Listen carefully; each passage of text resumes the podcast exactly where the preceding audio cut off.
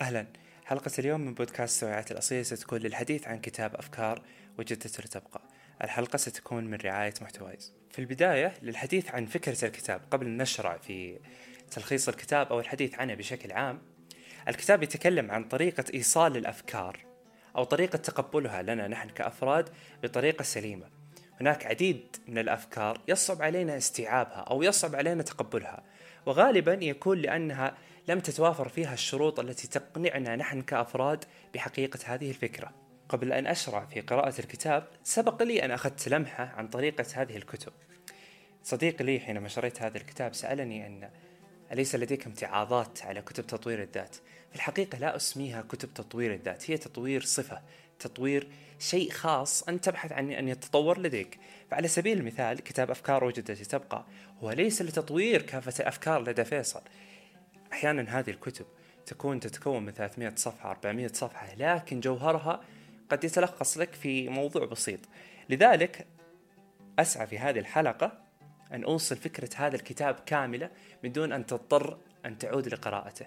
ففي هذه الحلقة سأحاول أن أوضح لماذا هناك أفكار وهناك آراء وهناك توقعات دائما ترسخ في المخ بينما غيرها تكون أكثر تنظيم وأكثر أفضلية إلا أننا ننساها بسرعة.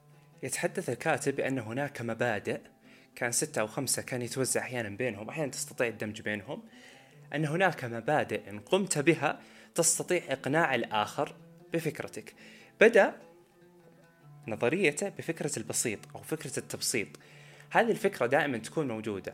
أنا كشخص يدرس تخصص فيه مجموعة كبيرة جدا من ال تقدر تقول الألفاظ المعقدة خاصة في زي مواد زي الفارما. أحتاج أني أدرس يعني أدوية كثير. أحتاج أني آخذ وش الأدوية اللي تكون لعلاج الضغط الأدوية اللي تكون لعلاج السكر. فيكون الدمج بينهم شبه مستحيل. فدائما تشوف التخصصات اللي تكون فيها ألفاظ معقدة ما أدري والله عن بقية التخصصات دائما يكون عندنا حركة إن ناخذ لفظ نركبه على بعض بس يوصلنا لهذا المعنى. مثلا أجي أتكلم عن أدوية ارتفاع ضغط الدم. أجي أقول لفظ تلاحظ أنت أنها غريب أجي أقول عنتر زار البيت وأكل تفاح. تسمع أنت الكلام تقول إيش قاعد يقول هذا؟ بس في الأصل أنا قاعد أبسط لنفسي فكرة كبيرة بطريقة صغيرة علشان أوصلها لنفسي وترسخ في مخي. على سبيل المثال هنا ضرب مثال أن إذا علمت شخص طريقة لعب الشطرنج إن خلاص يا فلان أنت بتروح تلعب ضد فلان الآخر. بتلعب ضده ترى ممكن يحرك الملك لهذا المكان ممكن يحرك الجنود. ترى الخطوة الاستباقية اللي بيسوي خلاص أنت قمت أعطيته تعليمات كاملة مفصلة عن الأشياء اللي بتصير. طيب إذا الخصم أو الطرف الآخر تحرك بحركة معاكسة إيش بيكون موقفي أنا كشخص؟ أخذت التفاصيل اللي ما أحتاجها. هنا أرجع لمبدأ التبسيط. يعني أذكر في فترة من الفترات كان كنت أشوف أحد الأشخاص اللي يتكلمون عن علم تطوير الذات تقريبا محمد الحاجي كان يقول إن في أفكار كبيرة إجابتها كلمة واحدة. يعني تروح عند طالب متفوق تسأل أنت كيف تفوقت؟ يعني أنا ذاكر زيك أنا أخطط وأرتب وأسوي بس ما أجيب زيك. أنت كيف سويت؟ يجي يقول ذاكرت. هو ممكن يكون رده إنك تحس إنه مهين بعض الشيء إنه ليش يعني انك قتلت شغفي تجاه الإجابة؟ بإجابة بسيطة بس. في الحقيقة إن أحيانا الأشياء الكبيرة جماليتها بتبسيطها حقيقتها بتبسيطها. في كل ما كانت الفكرة أبسط ووصلناها لشخص بطريقة أبسط استطاع إنه يتعامل مع الأشياء اللي بتواجهه. يكون عنده حتى أقرب إلى روح القيادة. يعني أنا أعطيت الواحد الفكرة. يعني في مثل يقول لا لا تصد عني سمك علمني كيف أصيد. هذا نفس الشيء. يعني إنه خلاص انت تعلم الواحد الفكرة البسيطة وهو يبدأ يبني عليها. لا تحاول إنك تدخله في تعقيدات أو انت نفسك يعني. لا تعقد على نفسك. إذا كنت تبغى توصل للفكرة بطريقتها البسيطة. وعلى هذا الأساس تقدر توصلها للناس بطريقة بسيطة. يعني نلاحظ أن أشخاص أحيانا يطلب منهم إيضاح فكره عندهم وايضاح نقطة خاصة تصير في المشاريع. ما يقدر يوصلها. هذا لأنه ما يعرف الفكرة البسيطة للفكره الأساسية الكبيرة. في كل ما تعلمت تبسيط الأشياء تقبلها المتلقي واستطعت أنت إنك تفهم المتغيرات اللي تكون حولها. طبعا علشان ألخص الباب حتى أنا علشان أكون بسيط في هذا الباب حاول إنه يتكلم عن أساليب التبسيط بأكثر من طريقة. يعني إذا كنت تحتاج إنك يعني يسمونها باللغة العربية جوامع الكلم يعني فكرة كبيرة تقدر تبسطها بطريقة صغيرة. هنا في هذا الباب تقدر تبسط هذه الأفكار. كان يتكلم إن حتى الأمثال يعني مثلا مثل عصفور في اليد ولا عشرة على الشجرة قال إنه منتشر في كل مكان في العالم. وسبب انتشاره إنه فكرة بسيطة لهدف عظيم إنه لا تطمع وقصص كبيرة حول الطمع. فلذلك فكرة التبسيط بشكل بسيط مني أنا أن شيء كبير جدا تستطيع إيصاله بطريقة بسيطة طريقة مصغرة بحيث أن يستوعبها الكل وبحيث أنها ما تظلم الفكرة الأساسية اللي تكون فكرة عميقة أو فكرة أكبر. أما المبدأ الثاني أو الفصل الثاني فهو مبدأ الغير متوقع. يركز في هذا الفصل على سؤالين أساسيين. كيف أسترعي انتباه الأشخاص وبالأهمية نفسها كيف أحافظ عليه؟ والهدف هو فهم الإجابات عن هذان السؤالان. علينا فهم شعورين أساسيين المفاجأة والاهتمام واللذين تثيرهما عادة الأفكار القابلة للرسوخ بشكل طبيعي. أما الرابط المشترك بين المفاجأة والاهتمام هو استرعاء الانتباه أن تسرق انتباه الآخرين. فكل ما كان الخبر وبداية حديثك مفاجئة وكل ما كانت اهتماما بالآخر كانت تسترعي الانتباه. فعلى سبيل المثال حينما نتحدث أن نقول لشخص أن أستطيع أن أفهم ما بداخلك. هذه الكلمة تحديدا يكون فيها عنصر مفاجأة أنه كيف عرفت اللي بداخلي؟ وفي نفس الوقت يكون في اهتمام أنك تشعر بالطرف الآخر. الأفكار القابلة للرسوخ بصورة طبيعية غير متوقعة عادة. وإذا كان بإمكاننا جعل أفكارنا غير متوقعة بشكل أكبر فستكون قابليتها للرسوخ أكثر بكثير. لكن هل يمكن للإنسان أن يعرف ما هو غير متوقع أو غير المخطط له؟ ما الفرق بينهما؟ هنا في هذا الفصل كان يحاول قدر المستطاع أن يبين لنا متى تحدث المفاجأة ومتى يحدث الاهتمام ومتى يحدث الأمر الغير متوقع. الفصل طويل جدا مقارنة بالمعلومات التي تكون فيه. وحاول اختصارها قدر المستطاع لكن هناك معلومات جميلة تحدث عنها. مثلا إن ردات الفعل التي يفعلها الإنسان أحيانا على التصرفات التي تحدث له المفاجأة تحدث إنها ترتفع الحواجب وتتوسع الأعين وتعطي مجال نظر أوسع. حاجب المفاجأة هو طريقة جسدنا في إجبارنا على الرؤية أكثر وقد نبذل جهدا مضاعفا للتأكد من رؤية ما نراه. على العكس عندما نغضب تضيق أعيننا حتى نركز على مشكلة معروفة. وبالإضافة إلى جعل حواجبنا ترتفع تؤدي المفاجأة إلى سقوط فكنا وتثاؤب أفواهنا. بالمجمل يعني هنا بأن المفاجأة أحيانا تغير الخطط التي وضعها الإنسان وهذا يعودنا إلى فكرة أن غير المتوقع دائما يعطيك إمكانية تجنب المفاجآت بحيث أنه لو نرجع على مثال نفترض التبسيط فلما نتكلم عن التبسيط وجانا رد فعل غير متوقع هذا اسمه مفاجأة بعيد عن ردة الفعل التي سنفعلها. لذلك دائما إذا كان لديك فكرة دائما توقع المفاجآت اللي ممكن تصيبها دائما توقع الغير متوقع. هذا المثل دائما يعني أن مجموعة الظروف المحيطة اللي ممكن أنك تتخيلها توقع أسوأ منها. وابن على نفسك خيارات إيش بسوي إذا صار هذا الشيء. دائما الناس اللي تواجه خيبات أمل لأنها ما تخطط البعيد بمعنى إنه إذا صابني هذا الشيء خلاص انتهى العالم خلاص يعني أنا خططت إني أروح هذا المكان وأنجح. طيب نفترض إني رحت هذا المكان وما حصلت الظروف المؤاتية إيش أسوي؟ هنا تطلع قيمة التخطيط الغير المتوقع دائم إذا بتسوي شيء لازم تركز على الجوانب اللي ممكن تصيبك وأنت ما كنت متخيل أنها تجي. هذه قيمة أن يتوقع الإنسان الشيء غير المتوقع. أما المبدأ الثالث أو الفصل الثالث فكان مبدأ الملموس. عنون هذا المبدأ بكلمة ساعد الآخرين على أن يفهموا ويتذكروا. الفرق بين كلمة ملموس وبسيط إن الملموس يكون من أرض الواقع. نرجع شوي للمثال اللي قلته في التبسيط إن أحيانا نأخذ المعلومات نفترض عندنا في الفارما ونحاول نبسطها ونقول فلان سوى كذا عشان نوصل للفكرة البسيطة اللي تساعدنا على التذكر. الملموس هو اني آخذ شيء من أرض الواقع وأخليه يحاكيني على سبيل المثال لما نتذكر قصص مثل قصص نفترض السلحفاة والأرنب اللي كان الأرنب يعني مستحقر السلحفاة وما إلى ذلك هذه القصة خيالية بحت ولا تلامس الواقع. يعني بعضنا ممكن ما قد شاف أرنب أو شاف سلحفاة على أرض الواقع. لكن الملموس هنا إن فينا نزعة إنسانية نزعة استحقار أحيانا نقول أو نزعة استهتار أو أيا كان.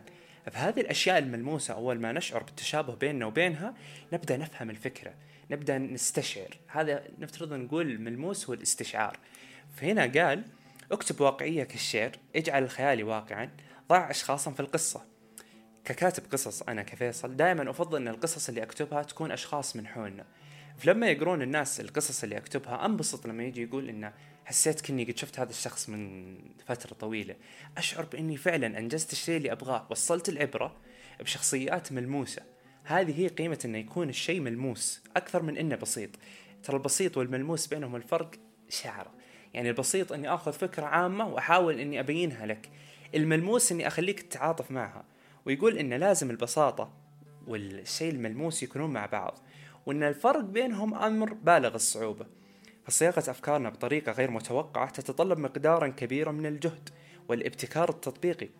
لكن توخي ما هو ملموس ليس صعبا ولا يتطلب الكثير من الجهود والعائق ببساطة هو النسيان إذا نسينا أننا ندخل فيما هو تجريدي وقد نسينا أن أشخاصا آخرين لا يعرفون ما نعرفه فنحن نواجه مشكلة.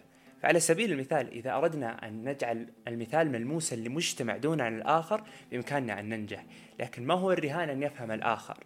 هنا نعود لفكرة غير المتوقع. إذا قدمت مثال بسيط ملموس لازم أني أتوقع الأشياء غير المتوقعة من الآخرين عشان توصلهم الفكرة بالطريقة اللي تناسبني أنا والطريقة اللي ما تظن بالفكرة.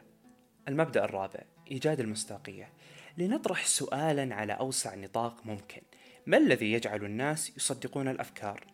لنبدأ بالإجابات البديهية. نحن نعتقد أن أهلنا وأصدقاؤنا يصدقون. نحن نصدق لأن كانت لدينا تجارب قادتنا إلى معتقداتنا. نحن نصدق بسبب معتقداتنا الدينية. نحن نصدق لأننا نثق في السلطات.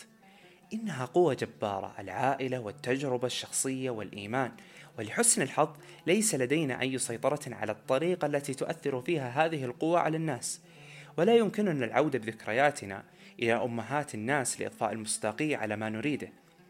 ولا يمكننا إعداد عرض على برنامج البروبوينت يغير المعتقدات الأساسية للأشخاص. إذا كنا نحاول إقناع جمهور مشكك بتصديق رسالة جديدة فالواقع هو أننا نخوض معركة شرسة ضد تعلم شخصي لحياة كاملة. وقد يبدو أنه ليس هناك الكثير مما يمكن فعله للتأثير على ما يفكره الناس.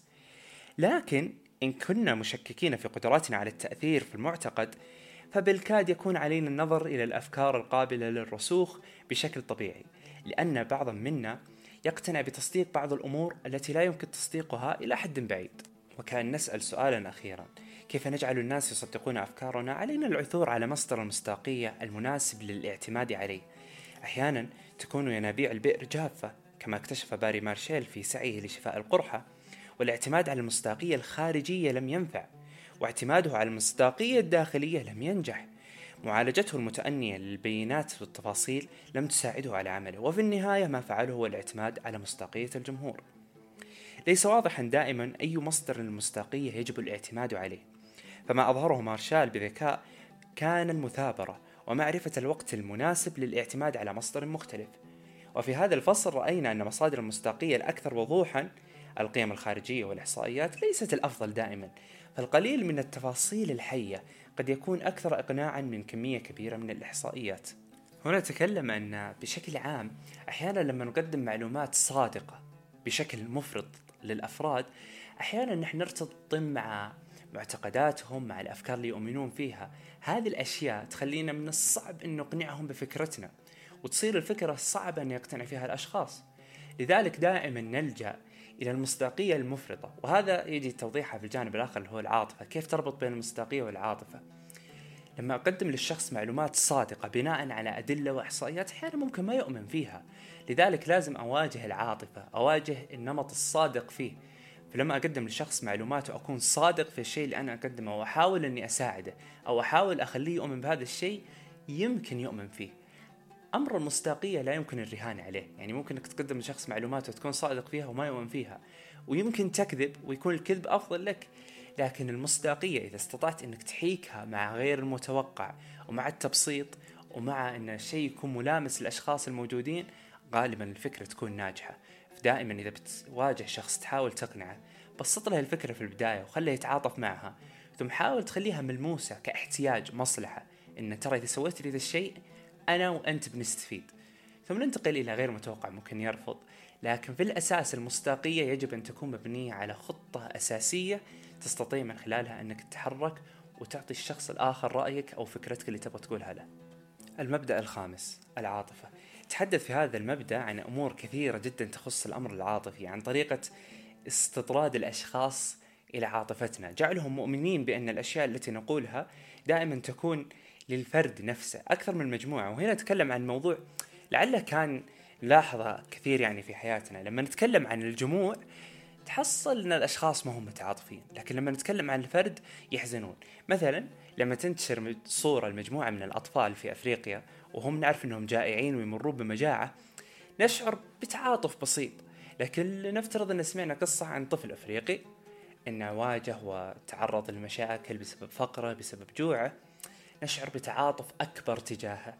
هنا نرجع لمبدأ تقسيم الأشياء أن لا تروح تعرض فكرتك الكبيرة علشان يؤمنون فيها الناس بسطها ضرب مثال إن الجمعيات الخيرية صارت تعرف كيف تستقطب الأشخاص اللي يعطونهم فلوس أو المتبرعين ليس عن طريق جعلها حملات شاملة. إن نقول تبرعوا لمجموعة الأشخاص الجائعين في أفريقيا أو تبرعوا للفقراء تبرعوا للمساكين. اكتشفوا أن الطريقة المناسبة علشان الناس تتعاطف نعطيهم قصة بسيطة. وهذا مبدأ آخر مبدأ القصص نرجع له بعدين. أن العاطفة تكون للفرد. وهنا ضرب مثال لمبدأ تريزا قالت إذا نظرت إلى الفرد سأشرع في العمل. أما إذا نظرت في الجموع يصبح من الصعب الشروع في العمل. فلذلك دائما إذا بغيت يعني إن الشخص يتعاطف معك ركز على الفكرة الفردية. الفكرة البسيطة نرجع لها في نفس الفكرة دائما نقول التبسيط. واربط بينها اربط بين الفكرة البسيطة وبين فكرة الفرد. فكرة إن لما قلت لكم قبل شوي إن إذا تبغى تقنع واحد بشيء حسسه بمصلحة مشتركة. بالضبط. هذا اللي يصير. عشان الشخص يتعاطف معك حسسه إن مصلحتك في هذا الشيء. حسسه بانه لازم يتعامل معك. إن الموضوع يترتب عليك شخصيا. لا تحاول إنك تحط الجموع. الجموع هذه خاصة بالقادة. إن القادة يعني يقدرون يقنعونك إن ترى الشيء إذا سويته بتنقذ ناس كثير. فأنت مؤمن بالقائد الفرد نفسه. بس لما نتكلم عن تخاطب اثنين لا اشتغل على موضوع العاطفة أكثر من أي مبدأ آخر. ختم الكتاب بعنوان كيفية ترسيخ الأفكار في الأذهان. خطة الطريق في التعبير.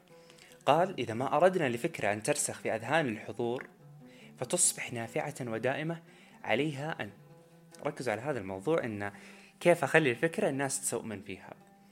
تلفت انتباههم تدفعهم إلى فهمها جيدا فيتمكنوا من تذكرها. تجعلهم يتفقون معها أو يصدقونها. تجعلهم يهتمون ويتعاطفون. أخيرا تكون قابلة لكي يعملوا على أساسها. كل مبدأ من هذه المبادئ يندرج تحت مبدأ من الأشياء الأساسية اللي قلناها.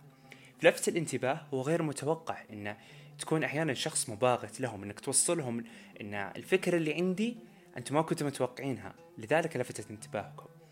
تدفعهم إلى فهمها جيدا فيتمكنوا من تذكرها. هذا أمر ملموس مثل ما قلنا إنك تضرب مثال بالأشياء الواقعية.